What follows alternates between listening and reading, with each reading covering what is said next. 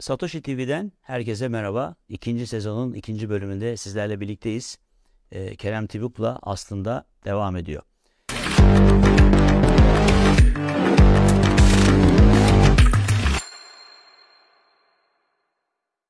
Ee, bu programı biz e, tabii birinci sezonu takip edenlere e, zaten bir şey söylememize gerek yok. Ama ikinci sezon itibariyle geçen ilk bölümde e, ne yapmak istediğimizi, e, kategorik tanımlar çerçevesinde dünyanın nereden nereye geldiğini ve nereye doğru gittiğini e, görebilecek şekilde okumalar yapmaya çalışmıştık. Kerem Tibuk'un bakış açısıyla e, özellikle e, aslında ne olup bittiğini, aslında ne niye olduğu geçmişte ve bugün niye oluyor ve bundan sonra niye olacak ve bu aslında nasıl gözükecek ve aslında gerçekte ne oluyor?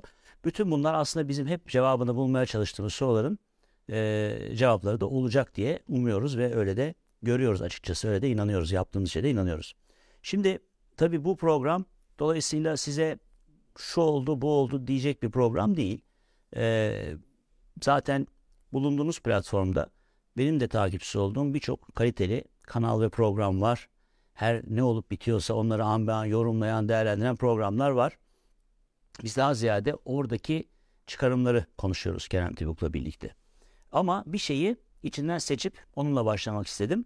Geçenlerde olup biten ve şu anda olup biten ve bundan sonraki programa kadar olup bitecek olan bir sürü e, anormal şeyden bir tanesi bizi çok ilgilendiriyor. Credit Suisse biliyorsunuz battı ve Credit Suisse batarken e, şöyle bir tablo bıraktı arkasında.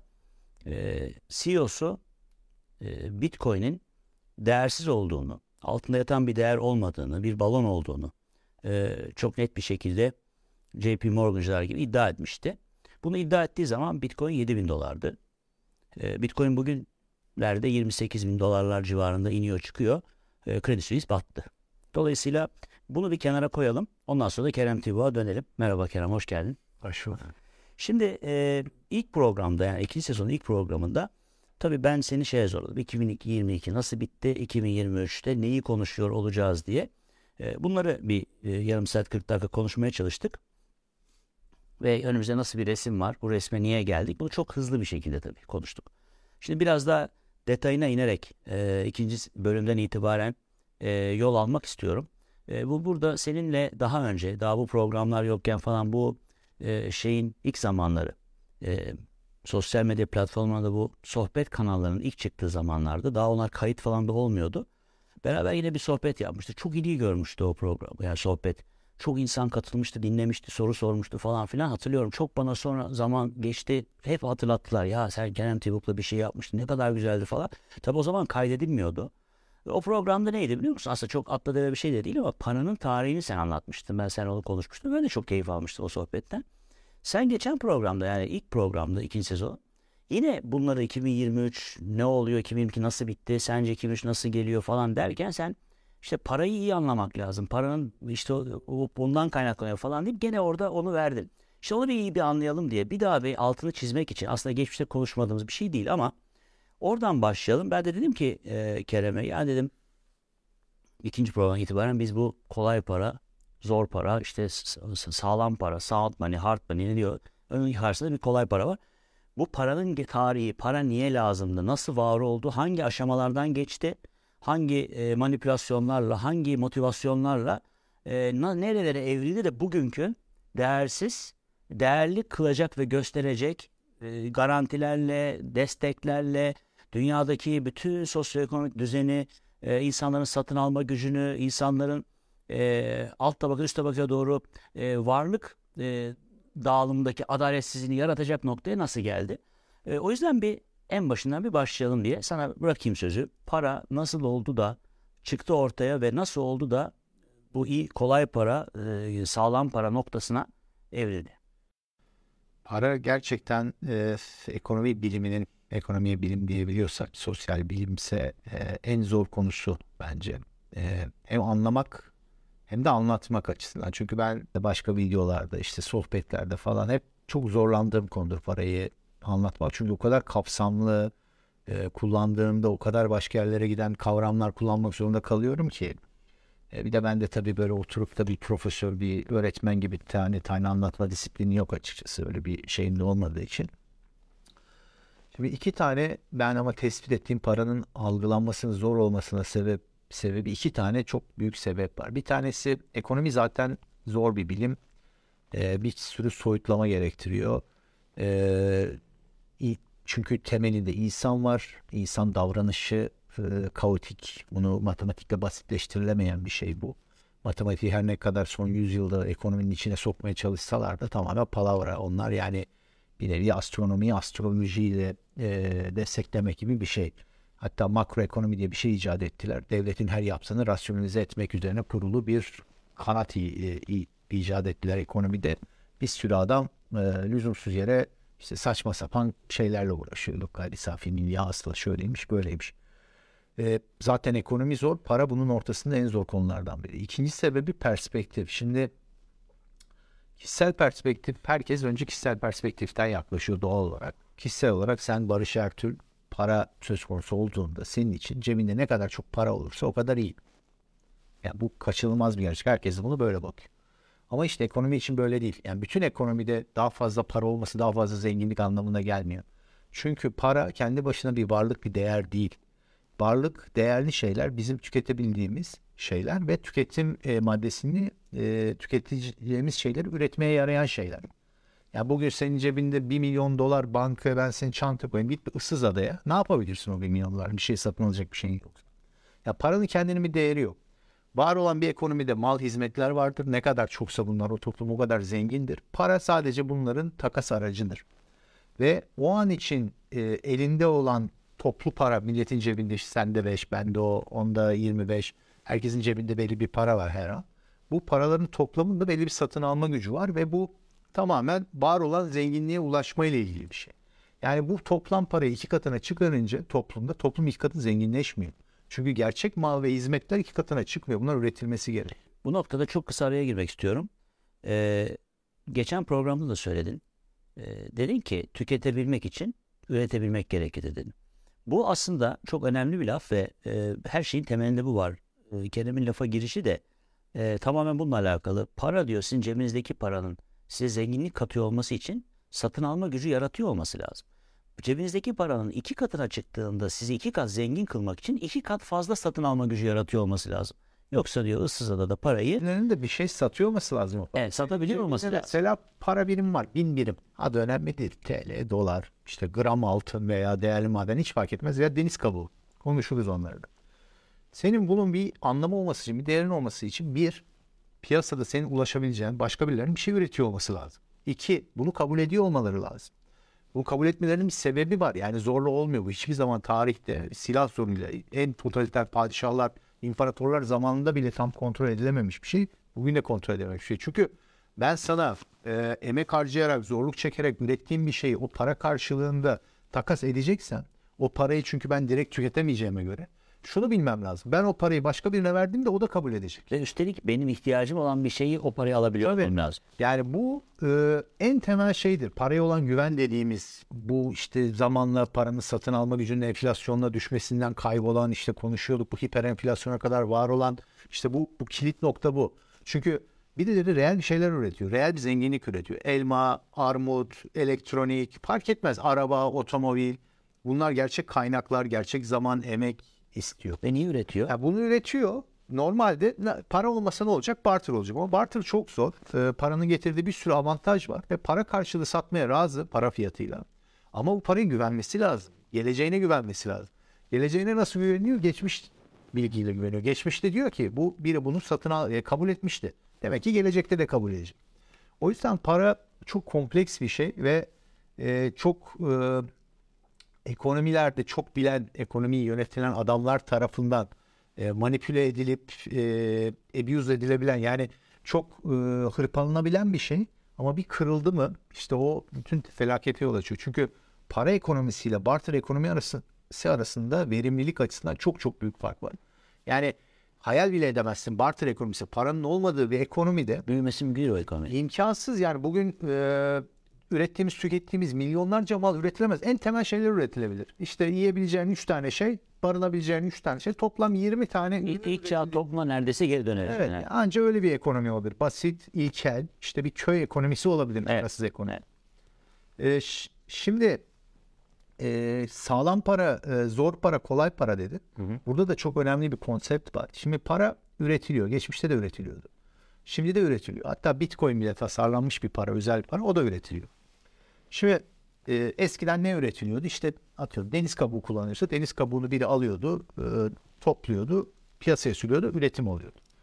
E, tuz kullanılıyorsa mesela celery İngilizce, Latince tuzdan gelir. Bir ara tuz para olarak kullanılıyordu. Tuz birileri tuz madeninden tuz alıyordu, bir şeye koyuyordu. Üretim oluyor. Piyasaya para olarak girdiği zaman para üretilmiş oluyor. İşte İngilizce'de e, buck derler. Ten bucks mesela. İşte geyik derisi. Zamanında geyik derisi para olarak kullanıldığı için bu işte buck diye kalmış dilde. E, bu- Dile geçmiş tort Evet, olarak. bu bir de, geyik avlandığında işte e, derisi yüzülüp tabaklandığında falan bir hale geldiğinde para üretilmiş oluyordu.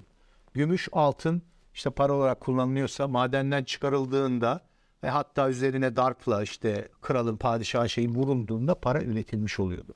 Bugün de işte geçmişte kağıda basıldığında üretilmiş oluyordu. Bugün çoğunlukla Merkez Bankası'na dijital olarak bastığında üretilmiş. Excel'de üretiliyor. Excel'de üretiliyor veya Bitcoin'de madencilerin işte biliyorsun öyle. Elektrikle üretiliyor.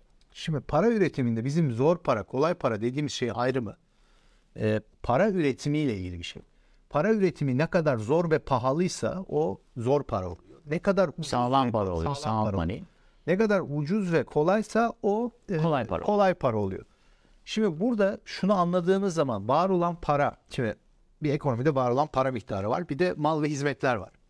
Var olan para miktarı değişmezse ama mal ve hizmetlerin üretimi artarsa yani normalde büyüyen her ekonomide olduğu gibi işte e, bir ton e, 100 ton elma üretilirken 110 ton elma üretilse bir sonraki sene işte her üretim kendi şeyinden artsa. Var olan paranın satın alma gücü artar. Değil mi? Bu basit bir şey. Yani Evet, çünkü para değişik değişmiyor. Ekonomik sabit para aynı. E, şimdi üretim para üretimi olduğunda herhangi bir mal ve hizmet üretimi olduğunda yine bu para stoğuna bir katkıda bulunuyor. Şimdi burada ideal olan şu.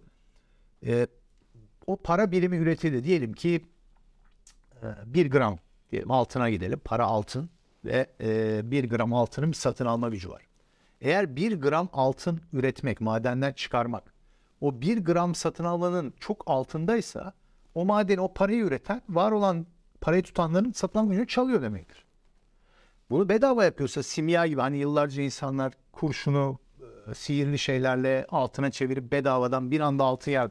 İşte bu şunu amaçlıyordu. Var olan bütün altını satın alma gücünü çalmak. Nasıl? Bir anda üreterek. Modern merkez bankaları ve bankacılıkta ne oldu? Bu simya gerçek oldu. Bu simyayı Excel dosyasına yani şu anda e, yüzde şöyle düşün yüzde on arttığını düşün bir anda var olan para miktarının dolarları.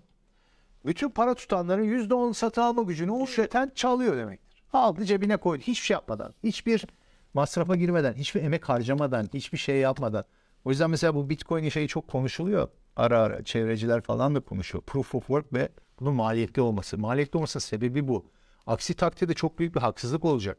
Ve tabii ki game teori herkes yapmaya çalışacak. Onun şeyini kontrol edemeyeceksin. O yüzden para üretmek her şeyin aksine. Her şeyde ne kadar ucuza mal edersen, ne kadar e, çok mal edersen o kadar iyidir. Parada ters. Parada tam tersi. Parayı zor mal edeceksin ve bir sistem kuracaksan, bir şey seçeceksen e, para olarak bu en zor üretilen şey olmalıdır. Tarihte de bu olmuş zaten. Ne? Ya altının binlerce sene para olarak önce rekabet edip diğer işte deniz kabuğu, başka madenler, işte geyik derisi, tuz bir sürü şeyle rekabet edip ondan sonra bütün dünyada istisnasız her yerde galip gelmesinin sebebi altının zor ve pahalı üretiminden kaynaklanıyor. Az bulunmasından, zor çıkarılmasından falan. Zaten oradan kaytarma işi de yani Kerem anlattıkça yine bir kere daha hatırlayacaksınız. Bilmeyenler de evet bundanmış diyecek ve paranın ne manaya geldiğini, fonksiyonunu ve dolayısıyla da niye bu yaşadıklarımızın olduğunu anlamış olacak. Ee, bütün hikaye e, insanların e, korrupt olmasıyla, insanların işin kolayına kaçarak e, üretemedikleri noktada e, tüketebilmek için hırsızlık yapmasıyla dünyadaki varlığın alım gücünü çalarak e, para üreterek parayı altından kopartarak hep bunlar ama bir şey söyleyeceğim benim gördüğüm dünya savaşlarıyla kopmuş film. Evet, Birinci dünya Dünya savaşları çok e, büyük motiva yani çok büyük kırılma anları ama Zorluyor hükümet. zorluyor. Çünkü evet yani tarihsel olarak dediğim gibi geriye saralım. O önemli. Evet. Kabaca anlatacağım. Evet. E, şimdi altının para olarak kullanılmaya başlamış. Altın ve gümüşün yan yana. Çünkü altın işte değerli olduğu için ufak e, bozuk para için yanına başka bir maden hep girmiştir. E, bu genellikle gümüştür, bazen bakırdır, üç tane metalli olduğu olmuştur. E, bu eski antik dünyada işte eski antik Sümer'den hatta eski antik Yunan'dan krallıklar, padişahlıklar bu dünyanın her yerinde gelişmiş belli bir şeye ulaşmış, medeniyete ulaşmış her ülkede olmuştu. Daha sonra özellikle 15. yüzyılda Rönesans, işte keşifler, Avrupa'nın özellikle işte Afrika'yı dönmesi önce Portekizlilerin, sonra yeni Amerika'nın keşfedilmesi, e, Spice Trade biliyorsun Malezya, Endonezya o adalardan Avrupa'ya Anadolu'ya ve Avrupa'ya onu uzun süre işte İpek yolu, baharat yolu. Evet Hint okyanusundan yapıyorlardı. Arada Müslümanlar girdi işte o ticaretler. Sonra Portekizliler Afrika'yı dönmeyi buldular, keşfettiler falan. Bu şey artınca bir de bir şey daha oldu İtalya'da özellikle. E, double entry bookkeeping dediğimiz bu modern muhasebe keşfedildi. E, bununla birlikte hem globalleşme hem global ticaret çok arttı. Ve bu artınca fiziksel altın artık e, transaction cost dediğimiz işlem maliyeti yükselmeye başladı. Çünkü bunları taşıman gerekiyor, saklaman gerekiyor. Üç tane gemi geliyor mesela Endonezya'dan. İşte tarçın, işte o karanfil, işte onların İpek, falan. ipek, mipek. E, bir şey altın gitmesi lazım bir gemi. Şimdi o giderken yolda batıyor, Tabii. korsanlar gidiyor bilmem ne bilmem ne. Sonra bu bankalar da işte İtalya zamanı double book Soğuk cüzdan da yok o zaman. e, Şimdi bu muhasebe sistemi de oturunca ve banka ilk bankalarda oluşmaya başlayınca ister istemez bu e, işte e, ikinci katman dediğim altın paranın second layer teknoloji diye bir teknoloji geldi. O da banknot teknolojisi. Yani kağıt diye bir şey var üretebiliyoruz artık. Altını temsil ediyor. Yani bunu basıyoruz işte 100 kilo altın karşılığı ben sana kağıt vereyim sen nasıl getir götür yapıyorsun sürekli. Yani altını şimdi alsan geri geri getireceğim bana. E, arada sen sadece harcayacağın parayı veya biriktireceğin parayı benden isteyeceksin. Altını Bunu- temsil eden bir banknotla kolay ticaret, kolay taşıma. Sen bunu buraya e, ver, koy. Ben sana kağıdı vereyim. Sen e, senden e, bir şey e, alacağın zaman o kağıdı ver. O kağıdı alan gelsin bana. O da gelmeyecek. ya. O kağıt el, el elde. Kağıt dolaşıp duracak. Ya bugün de çekte oluyor. Evet. Neyse. Şimdi bu sistem gelmeye başlıyor ve tabii burada e, bankacı gerçek bankacılık da başlıyor. İlk önce dürüst bankacılık yani banka sahibinin kendi sermayesini borç verme şeyi. Yani bir faiz karşılığı. E, daha sonra işte maalesef bu yozlaşma, para basma yetkisine sahip olan herkesin bu içine düştüğü moral hazard dediğimiz ahlaki tehlike ortaya çıkıyor. Biraz rekabet, biraz bu Film burada başlıyor. Sonra ne oluyor? İşte sende bir ton altın var ama sen iki ton karşılığı kağıt basıyorsun. Çünkü biliyorsun ki aynı anda herkes gelip bunu senden istemeyecek. Gelip bakanlar da görecek altınlar orada. Kimse bir audit modit yapan da yok. Sayın mayım da yok. yok. İşte aman bunu denetleyelim şu kadar banknot var değil mi? Giderek esnemeye bak. Esneme başı. Ama bu piyasanın yine kendini kontrol mekanizması var. Bu da nedir? İşte bank run dediğimiz ara ara işte bu banknotlar dolaşıyor ama bir dedikodu çıkıyor bir anda. İçeriden biri benim kuzenim duymuş. Kuaför bunu dedi bilmem ne. Bunun karşılığı yokmuş. Yokmuş. Sonra kağıdı herkes götürmeye başlıyor bankaya koşarak. O yüzden bank run diyorlar. Ve sonra ortaya çıkıyor ki işte bu oran ortaya çıkıyor. Diyelim ki işte iki katı basmış. Bu sefer kağıtlar %50 discountla trade olmaya başlıyor doğal olarak. Çünkü artık birebir alamayacağım belli oldu. Karşılığı. Bunun karşısında yarısıyla altın 100 ödeyeceksen gramlık de kağıdın var 50 gram alabileceğim belli oldu. Bunu da Fiyatı millet düştü yani. 50 grama kabul ediyor zaten. O kadar satın alma gücüne düşüyor. Demek Piyasa, kendi, evet, piyasa kendini bir anda dengeliyor. Arada tabii oranın hukuk, o anki hukuk sistemi, devletin işte mahkemeler bunu dolandırıcı olarak iflas şeyi işleniyor falan onlara göre değişiyor. Bazen e, tamamen iflas ediyor bankalar işte varlıklar paylaştırılıyor alacaklar karşısında. Bazen ama adam devam- alıyor sistem. He, bazen yeni kağıt basarak yerine devam ediyorlar falan filan. Sonra ne oluyor? İşte savaşlara da burada geliyoruz biraz. Özellikle zaten e, 19. yüzyılda bu merkez bankaları yavaş yavaş başlıyor. Bunun e, en hala var olan ve en önemlilerinden biri Bank of England. Şimdi Bank of England ilk kurulduğunda bugünkü Bank of England gibi veya işte genel merkez bankası gibi kurulmuyor. Normal bir özel chartered bank. O zamanlar her iş için geçerli. Özel lisans alıyorsun devletten bir iş yapmak için. Öyle serbest pazar falan yok. Başlamış ufak endüstrileşme ama e, bir loncalar var küçük esnaf için. İşte atıyorum e, şey marangozlar birliği. Marangozlar birliğine üye değilsen marangoz olamıyorsun mesela. Bir onları koruyan sistem var. Bir de büyük iş yapacağın zaman işte bir sürü sermayedar, aristokrat para koyuyor bir iş yapacak. Devletten monopol izni alıyorsun. Kraldan. İşte East India Company, West India Company işte oralara gidip orada ticaret olacak. Ee, uzak doğudan Çin'den Min'den ipekler gelecek İta- e, İngiltere'ye. Bunu bir firma yapmaya izinli. Bunun karşılığında para verip işte kraldan izin alıyor. Buna e, sadece bu. Hollanda'da da var bu tip şeyler. İlk corporation'lar, ilk büyük şirketler bunlardır.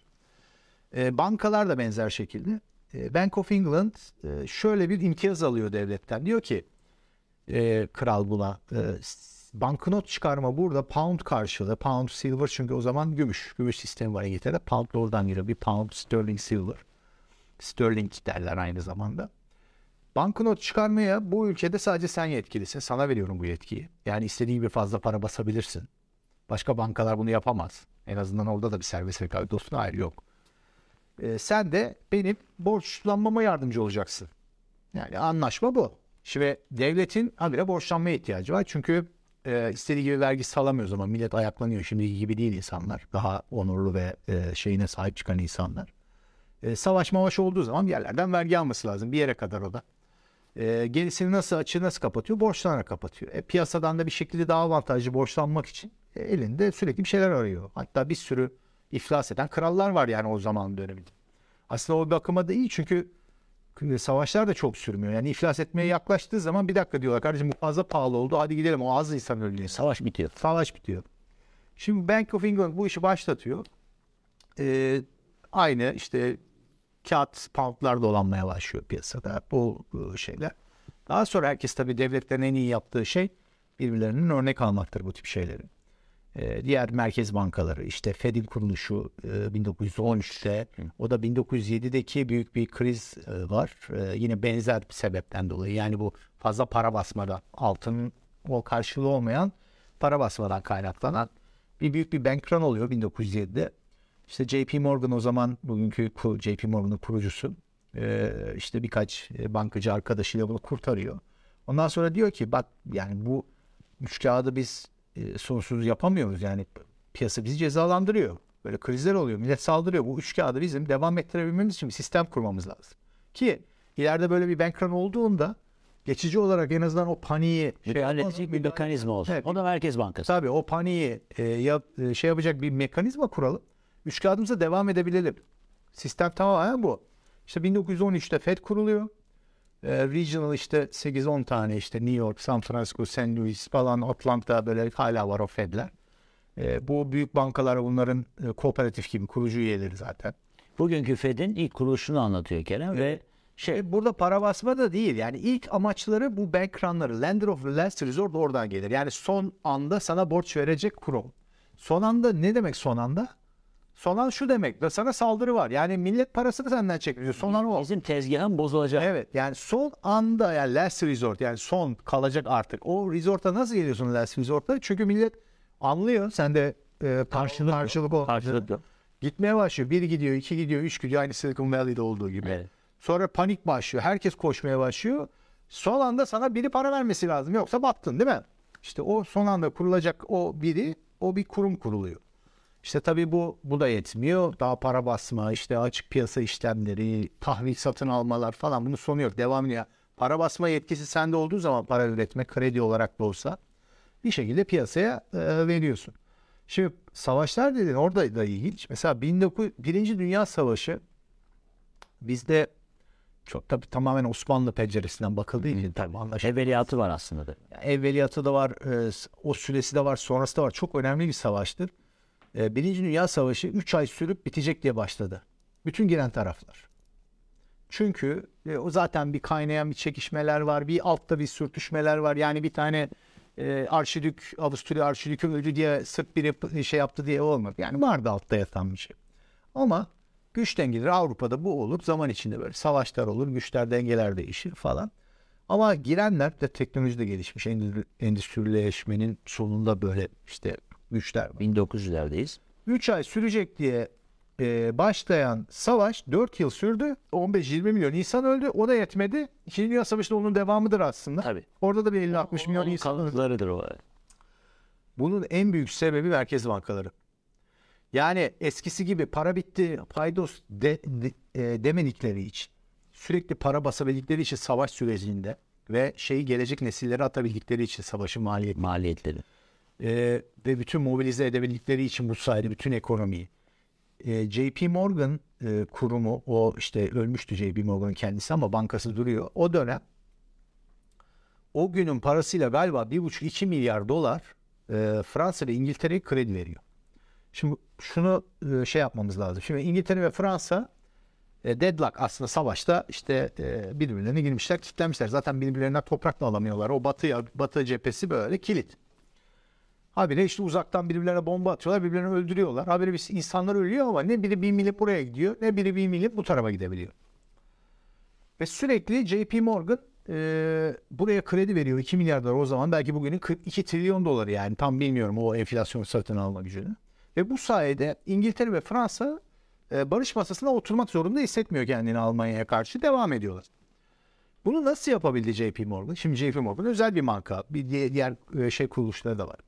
Şimdi Merkez Bankası olmasa, Fed olmasa o sürede, o süreçte, o sırada JP Morgan'ın e, Amerika içinden 2 milyar dolar alıp bunlara vermesi demek orada azalacak demek para. Amerika'da normal şirketlerin kredi ihtiyaçlarını o stoğun azalması demek. Bu faizlerin normalde yükselmesi demek. Faizlerin yükselmesi demek Amerika'da bir krize sebep olması demek. Ekonomi zora girer. Evet ve JP Morgan açısından da savaşta olan batması şey olan bir şey sen kredi vereceğine normal piyasa olsa yani faizler yükseliyor olsa hı hı. normal piyasada olduğu gibi JP Morgan hiçbir banka e, İngiltere'ye ve Fransa'ya o günün işte 1914 o parayı vermez. O parayı vermez. Bunlar da paraları bittiği için otururlar Almanya'yla 3 ay 5 ay sonra el sıkışırlar işte bir şey de olması olmaz. gerektiği gibi savaş. Evet, aynı Hitler, Hitler de olmaz. İşte Versay Anlaşması da olmaz. İşte böyle reparation. Bambaşka bir tarih olur. Abi adamlar ve onlar da niye yaptılar? Çünkü onlar da malı Amerika şimdi krediyi Amerika'dan alıyorsun. Sen Fransa'sın. Gidiyorsun sonra Fransa'dan silah alıyorsun. Yine bir e, circular bir ekonomi oluyor. İşte ama yani bu insan e, ömrü kaybı bu kadar vahşet, bu kadar yıkım yani inanılmaz gerçekten ve bu e, total war dediğimiz toplam işte zaten 2. Dünya Savaşı daha da beter oldu. Şehirleri de yerle bir ettiler, atom bombaları attılar bilmemler bilmemler. Bunlar işte maalesef en büyük sebep tabii başka sebepler de var. Yani bir tane şeye bağlayamazsın ama en büyük sebeplerinden biri Merkez Bankası kolay para. Özellikle savaş zamanı kolay para politikaları. 1971 kırılması onu da unutmayalım. Savaş dedik yani tarihini getiriyoruz Hı. bu sistemin. Ee, şimdi İkinci Dünya Savaşı da bitti neyse. Ee, ondan sonra işte Amerika tek galip. Her yer yıkılmış. Bütün üretim gücü de orada, para da orada. Hem de alacaklı da Amerika Birleşik Devletleri yine borç vermiş. Ee, Bretton Woods diye bir anlaşma yapıyorlar. Ee, bu Bretton Woods anlaşması yani o zamanlar bu Merkez Bankası diyoruz ama hala para, gümüş ve altın.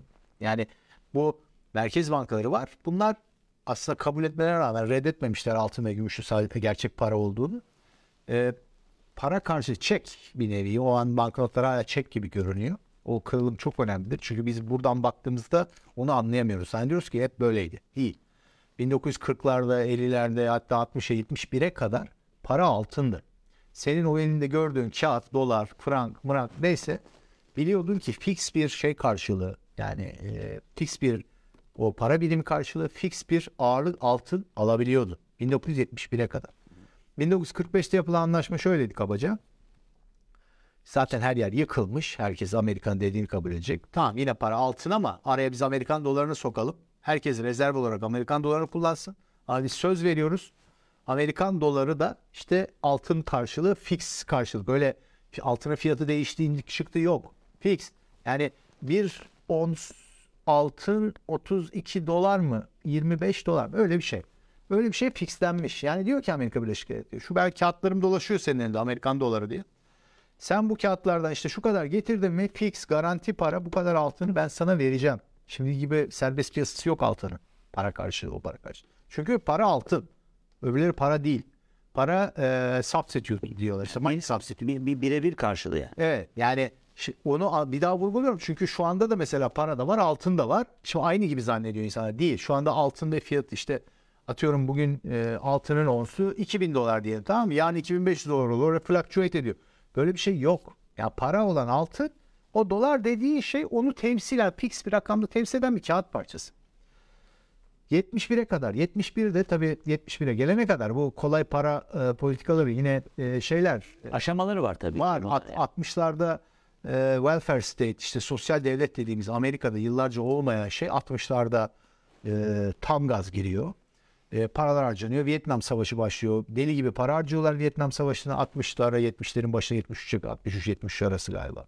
Deli gibi para harcıyorlar. Bakıyorlar ki fazla para basmışız. Millet altının istediği zaman bu dolarları geri götürüp yok altın mal. Nixon da iflas ilan ediyor. Bu Amerikan tarihinde en önemli iflaslardan biridir. Şimdi hep diyorlar ya Amerika hiç iflas etmedi. Yok öyle bir şey. 71'de iflas etti. Çünkü fix yükümlülüğünün işte e, çekimi ödemiyorum dedi. Yani çünkü altın çekiydi dolar. İşte bir ons e, altını şu kadar karşına 25 dolar mı 32 dolar mı getireceğim diye bir çek yazmış. Amerikan doları bir çekti. Altın çekiydi. Ve dedi ki adam çekim eki ödeyemiyorum kardeşim. Yani çekin kardeşim çeki ödeyemiyorum. Serbest bıraktım. Nereye giderse gitsin. Artık piyasada oluşsun. O ona denk gelirse alabilirsiniz piyasadan. Ee, ve bu çok çok büyük bir kırılma. İlk defa e, teknik olarak sonra gerçekte de oldu. Tamamen kontrolsüz para üretimi. Orada bir duralım. Tamamen kontrolsüz üretimde bir duralım. O işte Bretton Woods'un resmen sona ermesi e, orası dedi. Buraya kadar mutlaka getirmek lazım. Arada bir şeyi ben bir e, Kerem müsaade edersen söyleyeyim. Çok önemli ve aslında bugün gerçekte sound money, hard money nedir? Bugün o, onu tarif eden şey nedir? Bu teknolojiyle beraber işte biz niye bitcoin diyoruz? Bu oraya kadar gelen bir konu ve niye e, bütün bu sistem devam edemez bu şekilde? E, parayı da mutlaka geçen programda da söyledin sen e, şey yapmak zorundalar. Bu sistemin kurtarılması mümkün değil. Para vermeye devam ediyorlar. Bu bir eroin bağımlısı. Eroin vermek gibi e, bunu da söyledim. Buraları da tekrar hatırlatacağız. E, çünkü hepsi birbiriyle çok bağlantılı ve resmin bütününü gördüğünüz zaman her şey o kadar berraklaşıyor ki, o kadar netleşiyor ki niye bu sistemin devam edemeyeceği ve niye bu teknolojiye ihtiyaç olduğu. Şimdi 1930'larda e, bu 71'de sona eren ve Amerika'nın ve paranın iflası anlamına gelen ve ondan sonra da artık bütün dizginlerin bırakılıp karşılıksız ve sınırsız olarak 71'den itibaren Bretton Woods'un bitirmesiyle beraber paranın basılması bizi bütün krizleri arka arkaya getirip 2008 ve bu 2023'te bir krizdir. Likidite krizi dersiniz o da neden önemli değil fark etmez. Sonuçta hep aynı sebeple çıkan krizlerdir. Ama 30'larda e, o işte 71'de sona erecek anlaşmanın başında diyorlar ki biz bunu bir şeye bir de yani bu savaşlar çıktı paralar basıldı bunu işte altını artık örtüştüremiyoruz falan ama bunu bir yere bağlayalım. Bağlarken de yine orada bir darbe var. Amerika'nın yaptığı bir darbe var. Dediler ki bütün altınlara el koyuyoruz. Bütün altınlara el koyuyoruz. Evlerinizde altın tutmak yasak. Şirketlerinizde, işletmenizde altın tutmak yasak. Getireceksiniz bunları Amerikan devletine vereceksiniz. Biz de size bunun karşında uygun bulduğumuz bir rakamı fixleyerek bir tarifeyle para vereceğiz. Ondan sonra da artık bizde olacak. Kontrol bizde olacak dedi. Doğru mu? Ve orada çok önemli olan benim araya girmek istediğim şey şu. Sen çok daha detaylı ve e, güzel anlatıyorsun hikayesinin tarihini. Ama çok önemli bir nokta var ve benim çok tüylerimi ilk öğrendiğimde diken diken eden ve bugüne kadar da benim o e, down the rabbit hole dedikleri şeyde de ilerlememi sağlayan bir şeydir. Bu Amerika'da bir işte başkanın e, o dönemde bir e, 6102 sayılı bir kararnamesiyle oluyor. Biz de kararnameleri çok aşinayız Cumhurbaşkanlığı kararnamelerinden. 6102 sayılı kararname rakamları tersten okuduğunuzda 2016. 2016'nın da ifade ettiği değer biz ve bu yayını izleyenler de hemen anlayacağı gibi e, 2016 blokta bir difficulty adjustment. Evet, difficulty adjustment oluyor. Zorluk ayarlaması oluyor. O zorluk ayarlamasının ileride yine konuşuruz. Ne kadar önemli bir mekanizma oldu. Yani Bitcoin'in 2009'dan itibaren para politikasını belirli, kesin sınırlı bir varlık olarak arkasındaki teknoloji, yata altında yatan teknolojiyle birlikte e, paranın üretilmesi dedin ya çok zor ve bu ne kadar zorsa o kadar değerli diye. İşte o zorluğu ayarlayan, e, gerektiğinde e, insanlar ilgi göstermiyorlarsa kolaylaştıran ama insanlar ilgi gösteriyorlarsa parayı üretmeye ilgi gösteriyorlarsa zorlaştıran ve o rekabetle beraber maliyetin artmasıyla beraber görünmez teröriste kendi dengesini bulan tüyleri diken diken eden çünkü hedef her 10 dakikada bir her evet, blokta bir her 10 dakika bir tabii çünkü o her 10 dakikada bir bitcoin üretilmesi şunun için önemli çünkü o aynı zamanda bütün transaction'ların e, kayda geçmesi anlamına geliyor. Yani herkesin birbirine o peer to peer transaction dediği şeyi third party izni olmaksızın yapabildiği teknolojinin altına yatan şey bu. Ve bu inanılmaz bir buluş. Olmasaydı ne olurdu onu söyleyeyim. Lütfen. Ee, şimdi difficulty adjustment olmasaydı ve diğer her şey Bitcoin'in altında aynı şekilde gitseydi. Çıktı önce ucuzdu sonra millet keşfetti fiyatı yükseldi falan. Ee, normalde işte y- 21 milyonda bir program yok. 21 milyon tane üretilecek duracak. O Evet. aynı değişik. 2040'lar falan. Ama işte bu 2140, 2140 olmasının pardon. sebebi bu digit, e, difficult adjustment. Olmasaydı ne olurdu? E, madenciler işte ben Bitcoin nasıl değerli? Bitcoin'i bir an önce alayım diye bir sürü madenci bu işe girecekti. Ve Çok çabuk. bloklar çok hızlı e, şey olacaktı. Ödül şu ana kadar ödül bitmişti. Öyle söyleyeyim. Yani daha gelecekte madencilik falan 20 milyonu kalmamıştı. bulmuştuk. Çoktan bulmuştuk. Piyasaya dağılmıştı. Ha bu Bitcoin'i öldürür müydü? Belki öldürürdü. Şu andaki hali çok sağlıklı. Çünkü e, geleceğe doğru Kerem yeterince e, benimsenme ya da adaptasyon işte adoption dedikleri şey aslında tam kelimesi benimsenme. Yeterince benimsenmeden olursa o zaman o e, üretim de sınırlı ve bittiği için e, transaction fee'leri e, karşı yeterli gelmeyecekti. konuşuluyor. O- Belki onu yaşayıp görecektik. Mesela şu anda hala teorik olarak konuşuluyor. Ya bu madencilik bitince bu sistem nasıl ayakta kalır? O 2140'ta düşünecek bir konu ama şöyle bir şey var. Hatırlarsan pandemi zamanı e, benim gönlümde Satoshi Nakamoto ol- olduğunu düşündüğüm ama gerçekte olmadığını zaten defalarca söyledi ama olmaması veya olup olmamasının önemli olmadığı, Satoshi Nakamoto'nun kim olduğunu zaten önemli olmadığı, bilinmesinin de aslında doğru bir şey olmadığı, hepimizin bilmesi gereken e, bir konu bu. Adam Beck, e, sen de vardın. Biz üçümüz birlikte bir program yaptık pandemide. E, orada ben ona bunu sordum. E, dedim ki siz dedim ya bu 2140 ile ilgili çünkü halving dediğimiz şey ödüllerin yarılanması yani aslında Bitcoin'in enflasyonun anında yarı yarıya azalması ve yarı yarıya azala azala azala azala sıfıra gidiyor. 2140'da sıfır oluyor. Dolayısıyla da bu zaten Bitcoin'i Kerem e, şu anda 1.8 yıllık yanılmıyorsam enflasyonla dünyanın en az enflasyon olan altından çünkü altının 2.5 gibi bir enflasyonu var.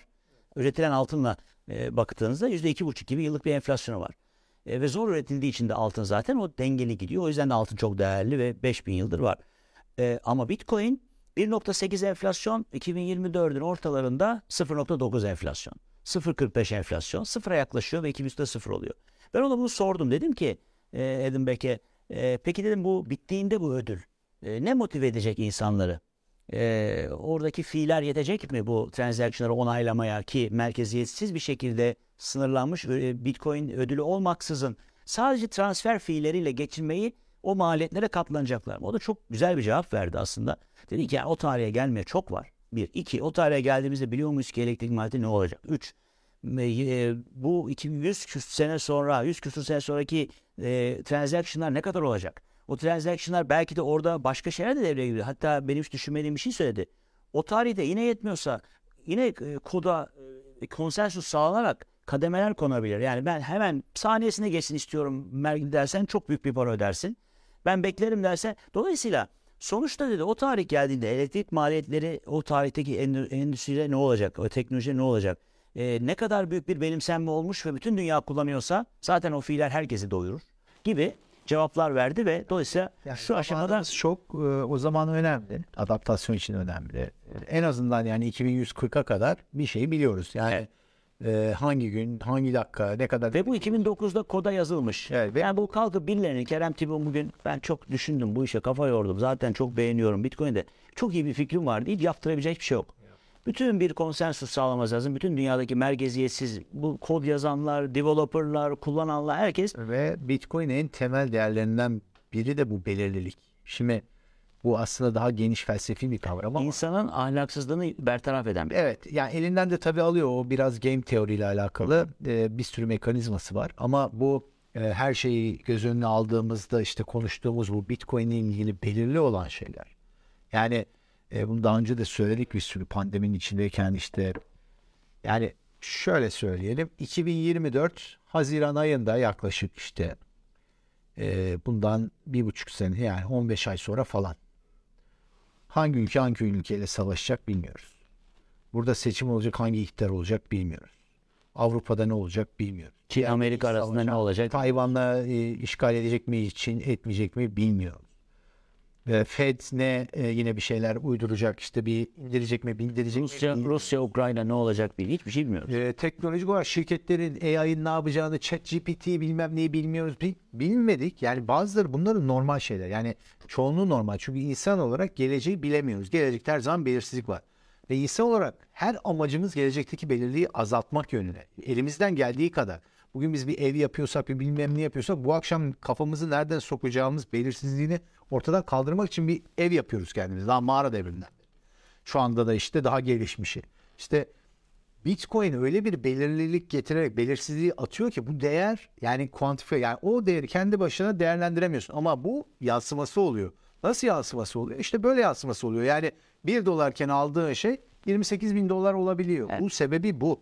Yani e, bir sürü faktör var. Bazı şeyleri görebiliyoruz. İşte 2024'te şey olacağını biliyoruz ama işte bunları söyle bunları bilmiyoruz ama yarılama olacağını biliyorum. 2008'de bir daha olacağını Bir daha olacağını. Bir de bu arada tam tarihini bilemiyoruz. Çünkü 10 dakikalar 9 dakika Abi, 20 dakika ay, oluyor. 3 dakika. Ama o da o da 4 yılda bir bir ay 2 ay oynuyor oynamıyor. Evet. Ama para politikası yani Özgür de kulakları çınlasın. Özgür Güney ile de konuşmuştuk. O da dedi ki dünyada böyle bir varlık aset olmadı dedi. 2000 şey 1900 işte 2008'de 2009'da e, bunun kodu yazılsın ve e, son üretildiği ana kadar 2100 küsurlara kadar e, para politikası ilk gün söylendiği gibi devam edecek olsun. Bununla ilgili hiçbir tereddüt olmasın. Dünyada böyle bir varlık olmadı dedi. Yok zaten. Altında da şu an belli değil. Şimdi yeni böyle paradigma değiştiren, her şeyi değiştiren böyle kırılma yaratan e, konseptler, teknolojiler neyse bunlar girdiğinde çok zor tahmin etmesi bunların nelere yol açacağı. İşte internet ilk çıktığında bugünün internetin en büyük firmaları hayal bile edilemiyordu. O zaman interneti neydi? İşte dial-up bağlan ben sana parayla bağlanma hakkı vereyim. İnternet işi oydu.